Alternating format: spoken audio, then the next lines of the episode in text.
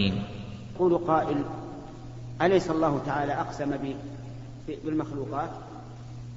قال والشمس وضحاها وقال والليل إذا يغشى وقال والسماء وما بناها.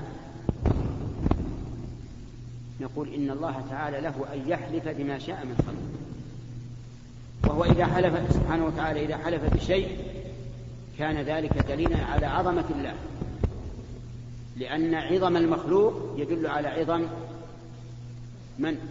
الخالق. الله تعالى لا يحلف بشيء إلا بشيء عظيم. وعظم المخلوق من عظم الخالق. ولله أن يحلف بما شاء من خلقه.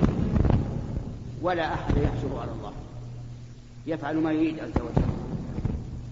فإن قال قائل نسمع بعض الناس يقول أقسم بآيات الله. أقسم بآيات الله. هل هذا حلف بغير الله؟ وهل هذا كفر أو شرك؟ نقول ما ماذا ماذا يريد بآيات الله؟ إن أراد بآيات الله الشمس والقمر الليل النهار فهذا حلف بغير الله فيكون مشركا أو كافرا. لأن الله يقول ومن آياته الليل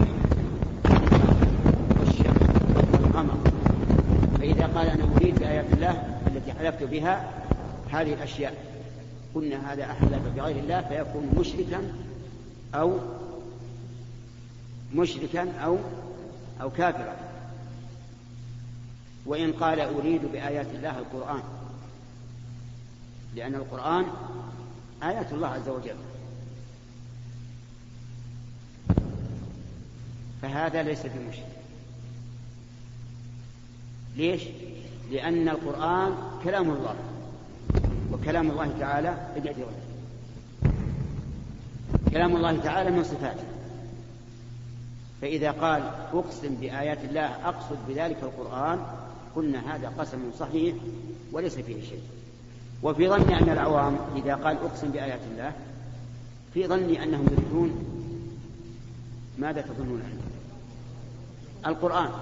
في ظني أنهم يريدون القرآن. فإذا كانوا يريدون القرآن فليس فليس حراما.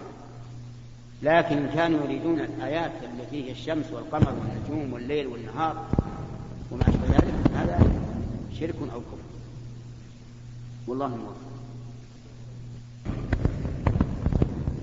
مال امرئ مسلم بغير حقه لقي الله وهو عليه غضبان قال ثم قرأ علينا رسول الله صلى الله عليه وسلم مصداقه من كتاب الله عز وجل.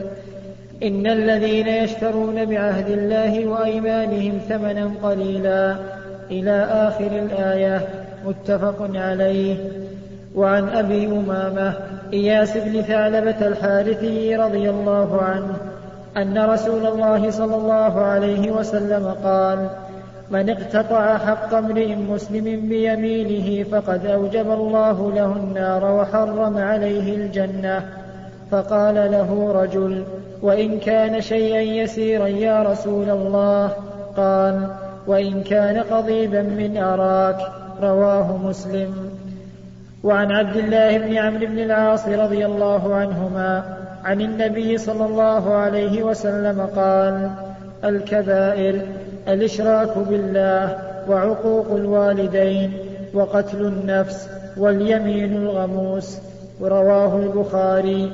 وفي رواية له أن أعرابيا جاء إلى النبي صلى الله عليه وسلم فقال يا رسول الله ما الكبائر؟ قال الإشراك بالله. قال ثم ماذا؟ قال اليمين الغموس. قلت وما اليمين الغموس؟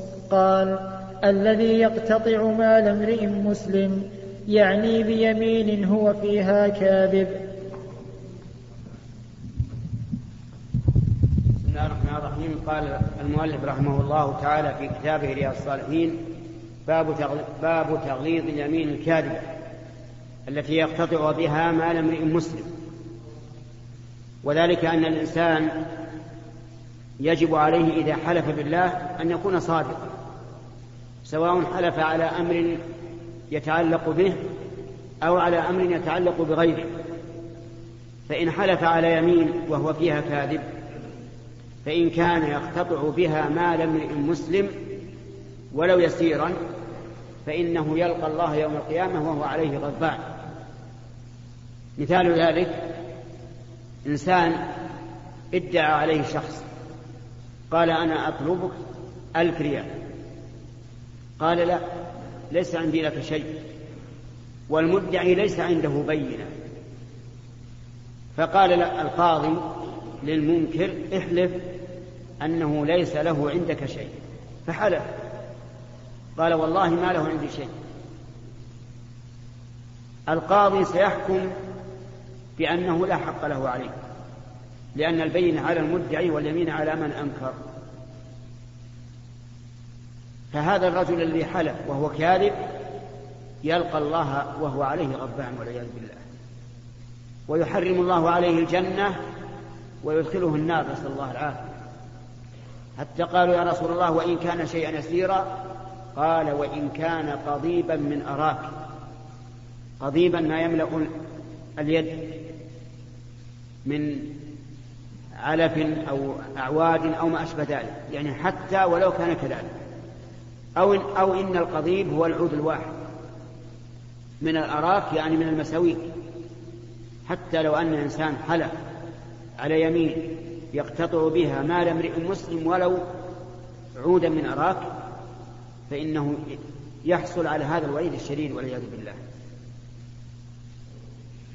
وأما ما يتعلق بنفسه مثل أن يقال له إنك فعلت كذا فقال والله ما فعلت وهو كاذب. فهذا إذا كان كاذبا فإنه لا يستحق هذا الوعيد لكنه والعياذ بالله آثم. جمع بين الكذب وبين الحلف بالله عز وجل الكاذب فيتضاعف تضاعف عليه العقوبة. فعلى المرء المسلم أن يكون محترما لله عز وجل معظما له لا يكثر اليمين. وإذا حلف فليكن صادقا حتى يكون بارا بيمينه. نسأل الله لنا ولكم التوفيق لما يحب ويرضى.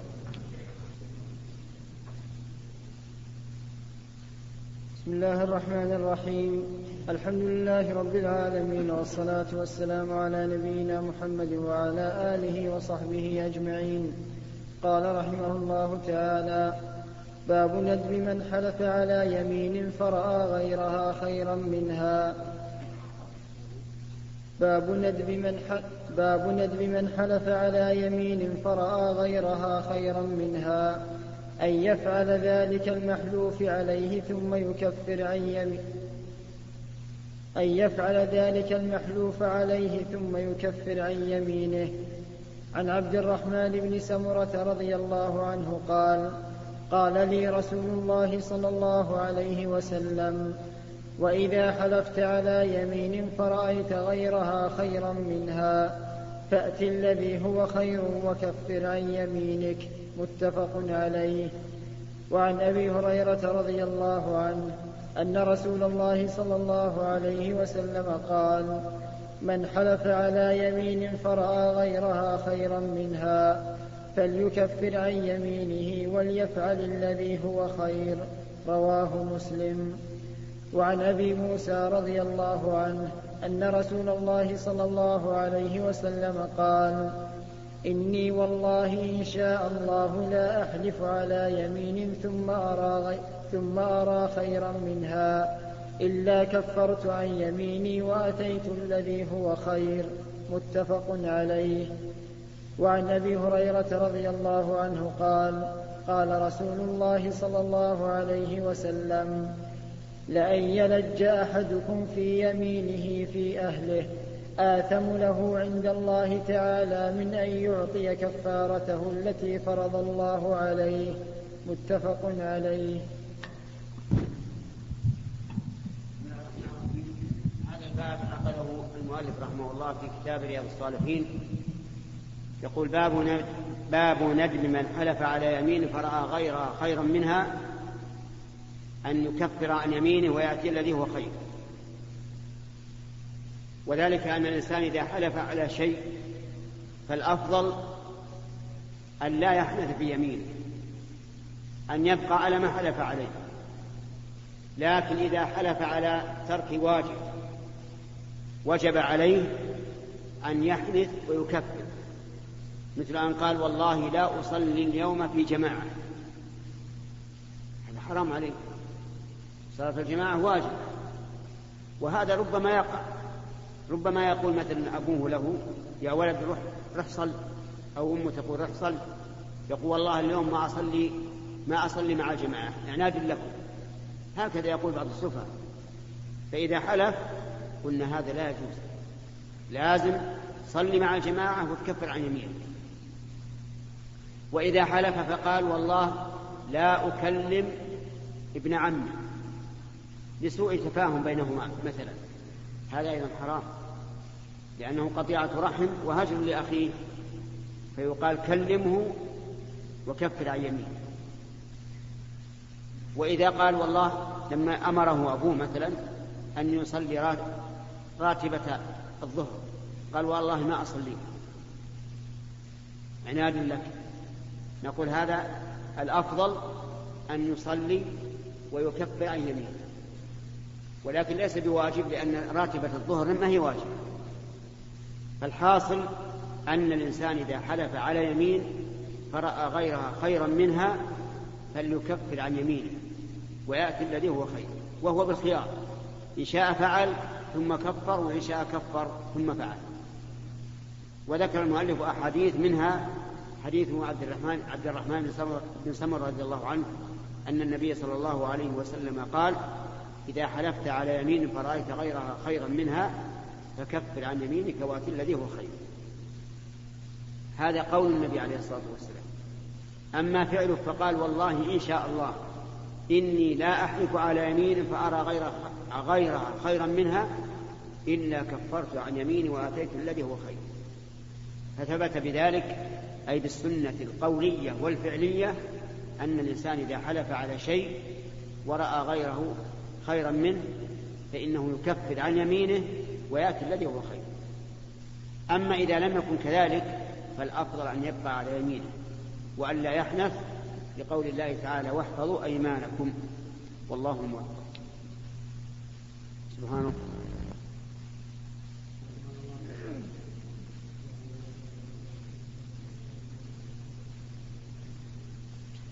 بسم الله الرحمن الرحيم. الحمد لله رب العالمين والصلاة والسلام على نبينا محمد وعلى آله وصحبه أجمعين. قال رحمه الله تعالى باب العفو عن لغو اليمين. قال الله تعالى لا يؤاخذكم الله باللغو في أيمانكم ولكن يؤاخذكم بما عقدتم الأيمان. فكفارته طعام عشرة مساكين من أوسط ما تطعمون أهليكم أو كسوتهم أو تحرير رقبة فمن لم يجد فصيام ثلاثة أيام. ذلك كفارة أيمانكم إذا حلفتم. واحفظوا أيمانكم. عن عائشة رضي الله عنها قالت أنزلت هذه الآية لا يؤاخذكم الله باللغو في أيمانكم. في قول الرجل لا والله وبلا والله رواه البخاري. بسم الله الرحمن الرحيم. قال المؤلف رحمه الله في كتابه رياض الصالحين باب العفو عن لغو اليمين. لغو اليمين هو التي هي اليمين التي يقولها الإنسان على لسانه ولا يقصدها بقلبه. وقد عفى الله تعالى عن ذلك لأنه يكثر كثيرا أن يقول الإنسان لا والله من برايح لا والله من الجاي لا والله من الفاعل وما أشبه ذلك. فلما كثر هذا في في ألسن الناس عفى الله عنه.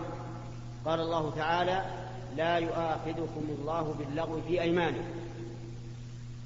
فسرته أم المؤمنين عائشة رضي الله عنها بأنه قول الرجل لا والله وبلا والله في عرض حديث ولا قصد اليمين. هذا لا يؤاخذ به. لا يأتم به ولا يحنث به ولا تجب به كفارة أما إذا عقد الإنسان اليمين عقدا جازما فقال والله لا أفعل كذا أو والله لا أفعلن كذا ولم يفعل لزمته الكفارة وهي عتق رقبة أو إطعام عشرة مساكين أو كسوتهم بدأ الله تعالى بالإطعام لأنه أهون ثلاثة. قال كفارته إطعام عشرة مساكين أو كسوتهم أو تحرير رقبة فإن لم يجد فإنه يصوم ثلاثة أيام متتابعة لا يفطر بينه وهذا من سعة رحمة الله عز وجل أن هذه الأيمان التي تتكرر على الألسن ولا يقصدها الحالف ليس فيها إثم وليس فيها كفارة. لأن ذلك يقع كثيرا. ولكن مع ذلك يقول الله عز وجل احفظوا أيمانكم. يعني لا تكثروا من الأيمان. ولا تتركوا الكفارة إذا حنثتم فيها. بل احفظوها لأن اليمين أمرها عظيم. ولهذا سمى الله تعالى مخالفتها حنثا. بل سماها النبي صلى الله عليه وسلم حنثا لأنه لولا رحمة الله لكان الإنسان إذا حلف لزمه أن يوفي ولكن من نعمة الله أن الله يسر أن الإنسان له أن أن يخالف ما حلف عليه إذا لم يكن إثما. والله آه تقريب كيلو للنفر الواحد من الرز يكفي بزيادة. بسم الله الرحمن الرحيم. الحمد لله رب العالمين والصلاة والسلام على نبينا محمد وعلى آله وصحبه أجمعين. قال رحمه الله تعالى باب كراهة الحلف في البيع وإن كان صادقا.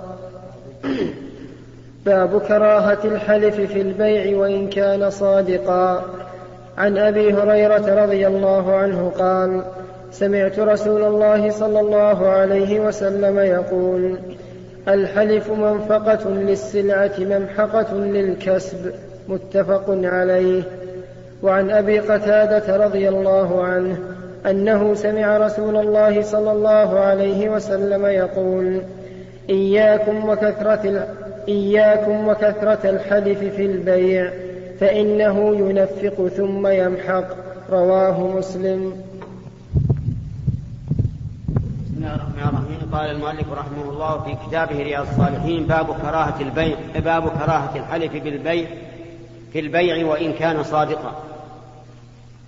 يعني معنى هذا أن الإنسان يكره أن يحلف عند البيع والشراء ولو كان صادقا. فمثلا يكره أن يقول والله لقد اشتريتها بمئة ولو كان صادقا. فإن كان كاذبا صار ظلما على ظلم والعياذ بالله. لو قال والله لقد اشتريتها بمئة ولم يشتريها إلا بثمانين صار أشد لأنه يكون بذلك كاذبا حالفا في البيع. وقد نهى النبي صلى الله عليه وسلم عن ذلك. وأخبر كما في حديث أبي هريرة أنه منفقة للسلعة ممحقة للكسب يعني أنها وإن زادت السلعة بالحلف فإن الله ينزع بركته ويمحق كسبه لأن هذا الكسب مبني على معصية الرسول عليه الصلاة والسلام ومعصية الرسول معصية لله. وكثير من الناس يبتلى بهذا الأمر.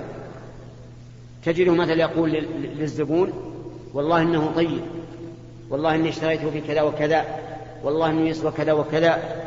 سواء صادق سواء كان صادقا أم كاذبا. فهو منهي عنه. بيع واشتري بلا يمين. إذا أردت أن الله تعالى يبارك لك في الكسب وكذلك حديث أبي قتادة فيه التحذير من الحلف في البيع إياكم والحلف والحلف بالبيع. فإنه ينفق السلعة ويمحق البركة. والحديثان معناهما واحد. كلاهما يدل على أن الإنسان ينهى عن الحلف في البيع وظاهر الحديث أنه لا فرق بين أن يكثر الحلف أو لا.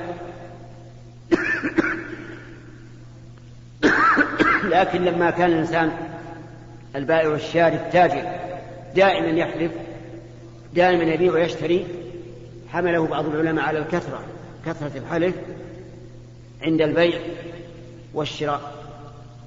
فالإنسان إذا أراد الله له الرزق أتاه بدون اليمين نسأل الله يرزقنا وإياكم الرزق الحلال. سبحان الله.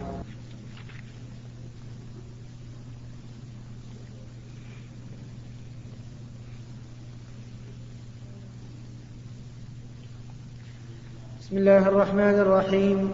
الحمد لله رب العالمين والصلاة والسلام على نبينا محمد وعلى آله وصحبه أجمعين. قال رحمه الله تعالى باب كراهة أن يسأل الإنسان بوجه الله عز وجل غير الجنة. عن جابر رضي الله عنه قال قال رسول الله صلى الله عليه وسلم لا يسأل بوجه الله إلا الجنة. رواه أبو داود. وعن ابن عمر رضي الله عنهما قال قال رسول الله صلى الله عليه وسلم من استعاذ بالله فأعيذوه ومن سأل بالله فأعطوه ومن دعاكم فأجيبوه ومن صنع إليكم معروفا فكافئوه. فإن لم تجدوا ما تكافئونه به فادعوا له حتى تروا أنكم قد كافأتموه. حديث صحيح رواه أبو داود والنسائي بأسانيد الصحيحين قال المؤلف رحمه الله تعالى باب كراهة أن يسأل بوجه الله غير الجنة. وجه الله تبارك وتعالى وصفه الله تعالى بأنه ذو الجلال والإكرام. فقال تعالى كل من عليها فان ويبقى وجه ربك ذو الجلال والإكرام. كل من على البسيطة فإنه فان زائل لكن الذي ولكن يبقى وجه الله عز وجل. ويبقى وجه ربك ذو الجلال والإكرام. ولهذا قال بعض العلماء ينبغي أن يصل قوله ويبقى رب وجه ربك بما قبله حتى يتبين كمال الله عز وجل وأنه يستحيل عليه الفناء بل هو الباقي الذي لا يزول. فوجه الله تعالى عظيم وأعظم ما يسأله المرء الجنة. قال الله تعالى فمن زحزح عن النار وأدخل الجنة فقد فات نسأل الله أن يجعلنا وإياكم منهم. هذا الفوز الأعظم الذي لا يدنيه أي فوز. من زحزح عن النار وأدخل الجنة فقد فاز. نسأل الله أن يجعلنا وإياكم منه. فلما كانت الجنة أعظم مسؤول أعظم مسؤول به يعني أعظم ما يسأله الإنسان هو الجنة صار لا يسأل بوجه الله إلا الجنة. فلا تسأل بوجه الله شيئا من أمور الدنيا. لا تقول اللهم إني أسألك بوجهك أن تعطيني بيتا أسكنه أو سيارة أركبها أو ما أشبه ذلك. لأن وجه الله أعظم من أن يسأل به شيء من الدنيا.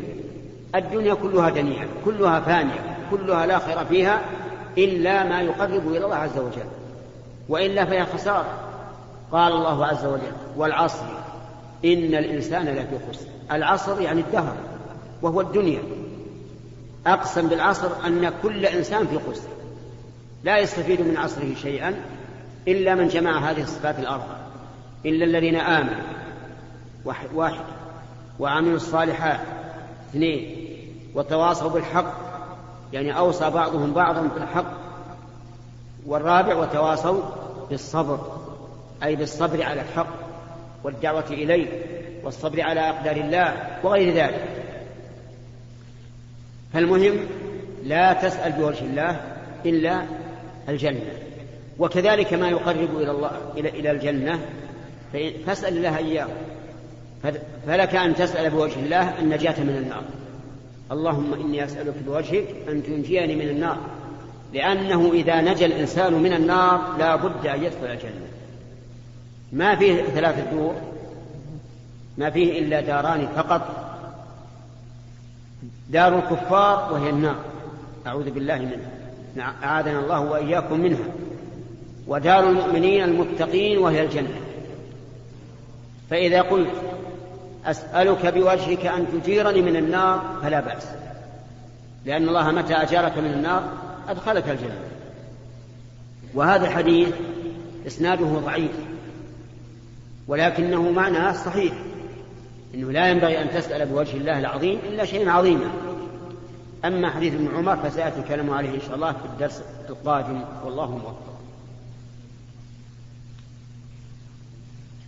بسم الله الرحمن الرحيم. الحمد لله رب العالمين والصلاة والسلام على نبينا محمد وعلى آله وصحبه أجمعين. نقل المؤلف رحمه الله تعالى في سياق الأحاديث في باب كراهة أن يسأل الإنسان بوجه الله عز وجل غير الجنة. عن ابن عمر رضي الله عنهما قال قال رسول الله صلى الله عليه وسلم من استعاذ بالله فأعيذوه ومن سأل بالله فأعطوه ومن دعاكم فأجيبوه ومن صنع إليكم معروفا فكافئوه. فإن لم تجدوا ما تكافئونه به فادعوا له حتى تروا أنكم قد كافأتموه. حديث صحيح. رواه أبو داود والنسائي بأسانيد الصحيحين. الله تعالى في كتابه رياض الصالحين. في باب كراهة أن يسأل أن يسأل بوجه الله غير الجنة غير الجنة عن ابن عمر رضي الله عنهما أن النبي صلى الله عليه وعلى آله وسلم قال من استعاذ بالله فأعيذوه. يعني معناه إذا قال أحد لك أعوذ بالله منك فأعذ واترك كما فعلت امرأة تزوجها الرسول عليه الصلاة والسلام فلما دنا منها قالت أعوذ بالله منك. جاهلة. فقال النبي صلى الله عليه وسلم لقد عذت بمعاد أو بمعاد الحقي بأهلك وتركها لأنها استعاذت بالله منه فإذا استعاذ أحد بالله منك فأعذ إلا إذا استعاذ عن حق واجب فإن, فإن الله لا يعيده. لو أنه كان مطلوبا لك فسألته حقك قلت أعطني حقي. فقال أعوذ بالله منك فهنا لا تعيده لأن الله تعالى لا يعيد عاصيا لكن إذا كان الأمر ليس ليس محرما فاستعاذ بالله منك فأعذ تعظيما لله عز وجل. ومن سأل بالله فأعطه. لو سألك سائل فقال أسألك بالله أن تعطيني كذا وكذا فأعطه إلا إذا سألك شيئا محرما فلا تعطي أو مثل أن يسألك يقول لك أسألك بالله أن تخبرني ماذا تصنع مع, أهل مع أهلك مثلا. هذا لا يجوز أن, أن تعطيه. بل وبخه وانصح وقل هذا تدخل فيما لا يعنيك. وقد قال النبي صلى الله عليه وسلم من حسن إسلام المرء تركه ما لا يعنيه. وكذلك لو سأل محرما ولو سألك بالله لا تعطي لو قال أسألك بالله أن تعطيني كذا وكذا ليشتري به دخانا فلا تعطي لأنه سألك على ليستعين به على شيء محرم. فالمهم أن من سألك بالله فأعطه ما لم يكن على شيء محرم. وكذلك ما لم يكن عليك ضرر فإن كان عليك ضرر فلا تعطي لأن النبي صلى الله عليه وسلم قال لا ضرر ولا ضرار. ومن صنع إليكم ومن صنع إليكم معروفا فكافئوه. يعني إذا أحد صنع إليك معروفا إما بمعونة في شيء أو باستخدامك إياه في شيء من الأشياء أو غير ذلك فكافئه. أعطه ما, ما, ما تظن أنه يكافئ معروفا. فإن لم تجد ما تكافئ أو كان ممن لا يحسن مكافأته كالملك والوزير والرئيس وما أشبه ذلك فادعوا له. فادعوا له حتى تعلموا أنكم قد كافأتموه. ومن دعاكم فأجيبوه. من دعاك إلى بيته إلى وليمة قليلة أو كثيرة فأجب لكن هذا مشروط بما إذا لم يكن عليك ضرر. فإن كان عليك ضرر فلا تجب أو كان هذا الرجل ممن يهجر فلا تجبه أيضا. أو كان هذا الرجل في ماله حرام. ورأيت من المصلحة أن لا تجيبه لعله يقلع عن الحرام فلا تجيبه. أما في في وليمة العرس فقد قال النبي صلى الله عليه وسلم من لم يجب فقد عصى الله ورسوله. إذا دعاك الزوج لوليمة العرس فأجب ما لم يكن عليك ضرر أو يكن هناك منكر. فإن كان عليك ضرر فلا يلزمك إجابته وإن كان هناك منكر فإن كنت تستطيع أن تغيره فأجبه وغيره وإلا فلا تجب. والله موفق.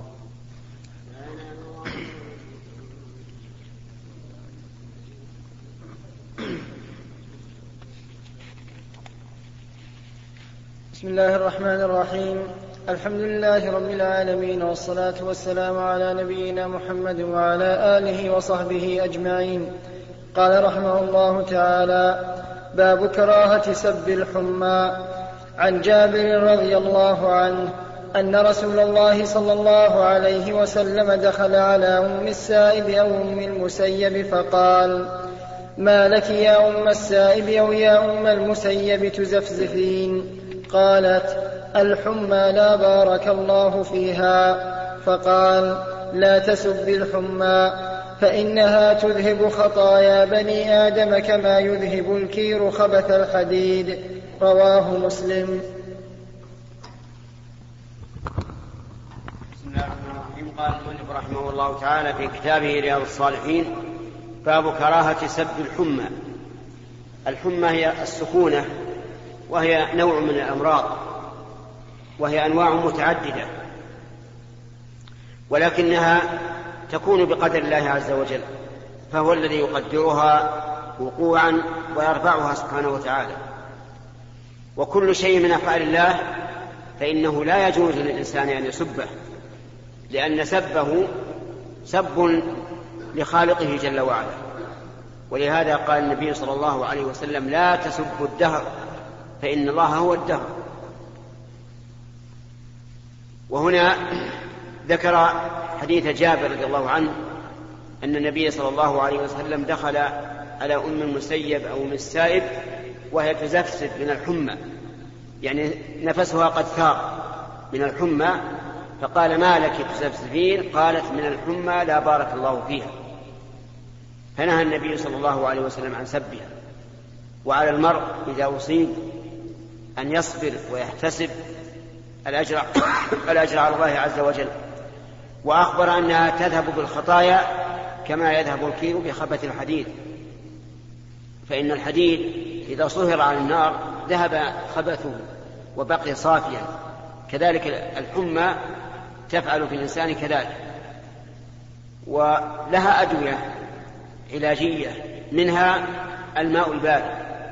فإن النبي صلى الله عليه وسلم أخبر أن الحمى من فيح جهنم وأنه وأمرنا أن نطفئها بالماء البارد. ولهذا أقر الأطباء في الوقت الحاضر بأن من أكبر علاج الحمى البرودة حتى أنهم يجعلون الإنسان إذا أصابته الحمى حول المكيفات الباردة التي لا تضره أو يجعلون خرقة مبلولة بالماء يغطونه بها يغطون المريض لأن الحمى بإذن الله حرارة كما هو معروف وهذا الماء يبردها ويطردها وهو شيء أخبر به النبي صلى الله عليه وسلم وما أخبر به الرسول عليه الصلاة والسلام فهو حق. المهم أن الإنسان يصبر ويحتسب على كل الأمراض لا يسبها.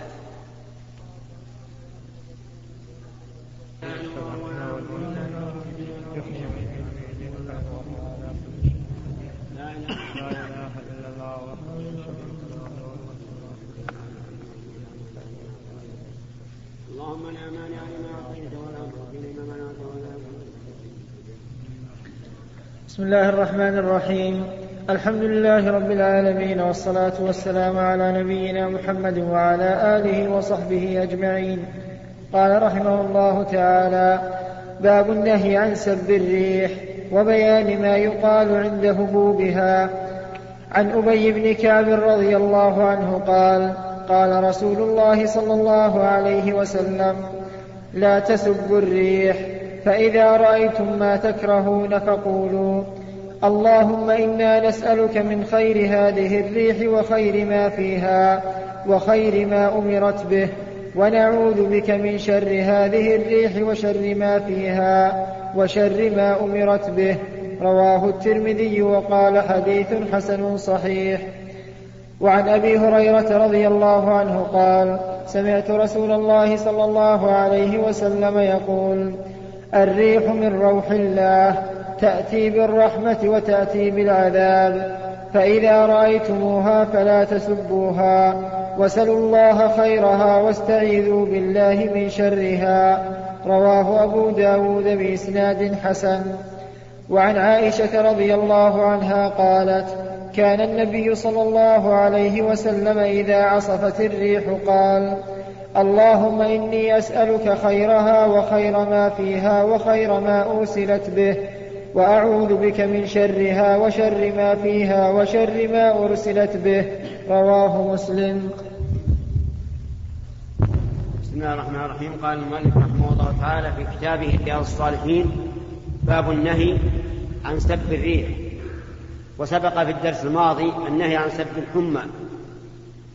الرياح من آيات الله عز وجل من آيات الله تعالى في تصريفها وفي إرسالها وفي كيفيتها. إذ لا يقدر أحد على أن يصرف هذه الرياح إلا خالقها عز وجل. كما قال الله تبارك وتعالى إن في اختلاف الليل والنهار وما خلق الله في السماوات والأرض لآيات لقوم يوقنون. لآيات لقوم يتقون. وقال الله تبارك وتعالى وهو الذي يرسل الرياح بشرا بين يدي, بين يدي رحمته. وقال تعالى ومن آياته أن يرسل الرياح مبشرات وليذيقكم من رحمته. والآيات في هذا كثيرة. هذه الريح التي خلقها الله عز وجل وصرفها تنقسم إلى قسمين. قسم ريح عادية.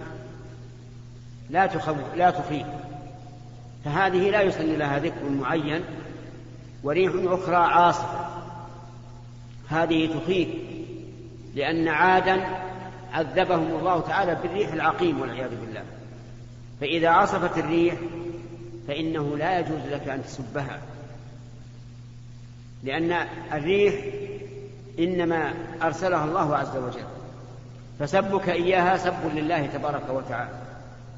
ولكن قل كما قال النبي عليه الصلاة والسلام اللهم إني أسألك, أسألك خير هذه الريح وخير ما فيها وخير ما أرسلت به وأعوذ بك من شرها وشر ما فيها وشر ما أرسلت به.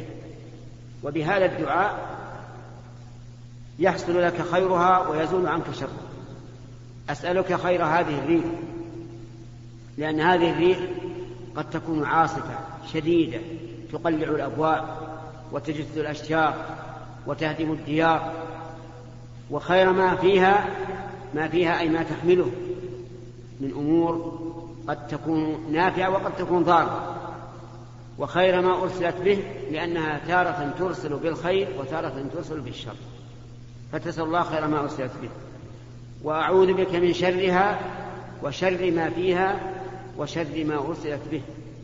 فإذا استعاذ الإنسان من شرها وشر ما فيها وشر ما أرسلت به وسأل الله خيرها وخير ما فيها وخير ما أرسلت به كفاه الله شرها واعلم أنه لا يجوز للإنسان أن يتعلق بالريح في حصول المطر والغيم والصحو وما أشبه ذلك. لأن هذا من جنس الاستسقاء بالأنواء الذي نهى عنه النبي صلى الله عليه وسلم. كثير من الناس يعلق رجاءه بالريح الجنوب. يقول إذا هبت الجنوب حصل الغيث وتجد قلبه متعلقا بها.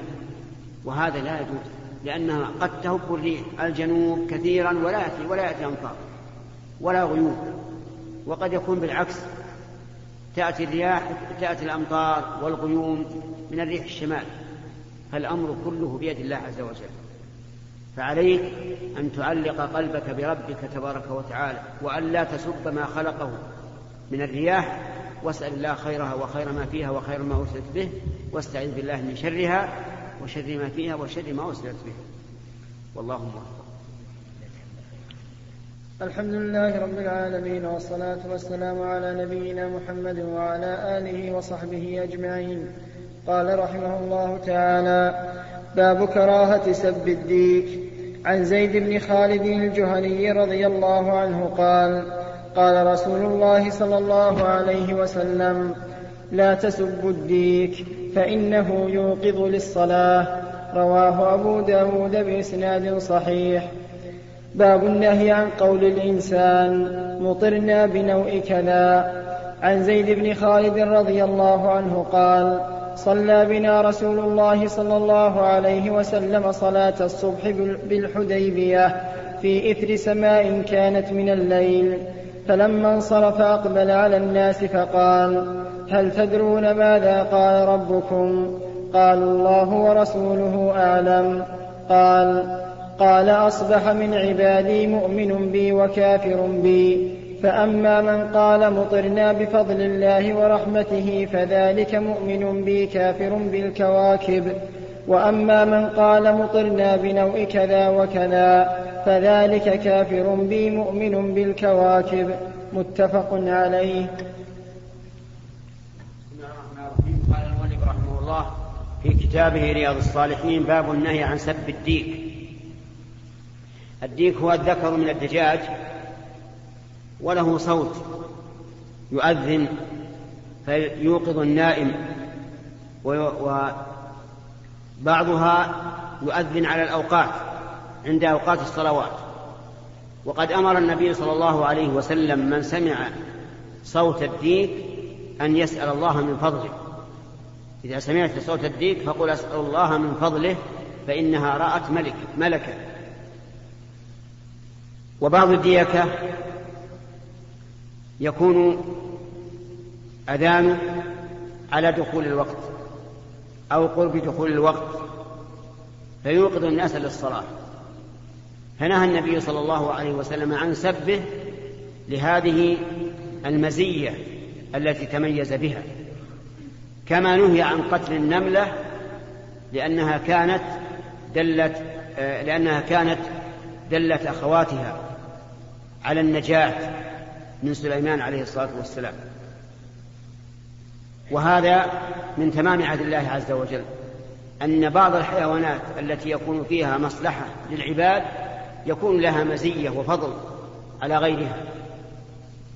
سب الديك قد يقع من بعض الناس يفزع من صوته وهو نائم فيسب ويشتم. وهذا منهي عنه لأن النبي صلى الله عليه وسلم قال لا تسبوا الدين وفي هذا هذا الحديث دليل على أنه ينبغي للإنسان أن يتخذ ما يوقظه للصلاة. وذلك مثل الساعات المنبهة فإن الإنسان ينبغي له أن يقتني من هذه الساعات حتى تنبهه للصلاة في الوقت الذي يدرك فيه الصلاة. وكثير من الناس يتهاون في هذا الأمر. ينام معتمدا على أنه سيقوم في الوقت الذي يريده ولكن يغلبه النوم. فإذا علمت من نفسك هذا فاجعل لنفسك منبها. ينبهك للصلاة. لأن ما لا يتم المأمور به ما لا يتم المأمور إلا به فهو مأمور به وأنت مثاب على هذا. أما الحديث أما الباب الثاني وهو تحريم قول الإنسان مطلنا بنبي كذا وكذا فهو أيضا عن زيد بن خالد الجهني رضي الله عنه. أنهم كانوا مع النبي صلى الله عليه وسلم في الحديبية والحديبية غزوة مشهورة معروفة وذلك أن النبي صلى الله عليه وسلم خرج إلى مكة معتمرا ومعه الإبل الهدي. فلما وصل إلى الحديبية وهي أرض بين بين الحل والحرم منعته قريش أن يدخل مكة. وجرى بينهم وبين وبينهم وبين النبي صلى الله عليه وعلى آله وسلم ما هو معروف من المصالحة. لكن في إحدى الليالي صلى بهم النبي صلى الله عليه وسلم صلاة الصبح على إثر مطر. فلما انصرف من صلاته أقبل عليه وقال هل تدرون ماذا قال ربكم؟ قالوا الله ورسوله أعلم. وإنما سألهم ألقى عليهم هذا السؤال من أجل أن ينتبهوا لأن إلقاء الأسئلة يوجب الانتباه. قالوا الله ورسوله أعلم. وهكذا كل إنسان يجب عليه إذا سئل عما لا يعلم أن يقول الله ورسوله أعلم في الأمور الشرعية. أما الأمور الكونية القدرية فهذه لا يقول الله لا يقول رسوله أعلم لأن النبي صلى الله عليه وسلم لا يعلم الغيب. فمثلا لو قال قائل أتظن المطر ينزل غدا؟ قل الله أعلم. ولا تقل الله ورسوله أعلم لأن الرسول صلى الله عليه وسلم لا يعلم مثل هذه الأمور. لكن لو قال لك هذا هل هذا حرام أو حلال؟ تقول الله ورسوله أعلم. لأن النبي صلى الله عليه وسلم عنده علم الشريعة. المهم أنهم قالوا الله ورسوله أعلم وهذا من الأدب. قال قال يعني أن الله قال عز وجل أصبح من عبادي مؤمن بي وكافر بي. يعني في تلك الليلة قال الله عز وجل فيما أوحاه إلى نبيه أصبح من عبادي مؤمن بي وكافر بي.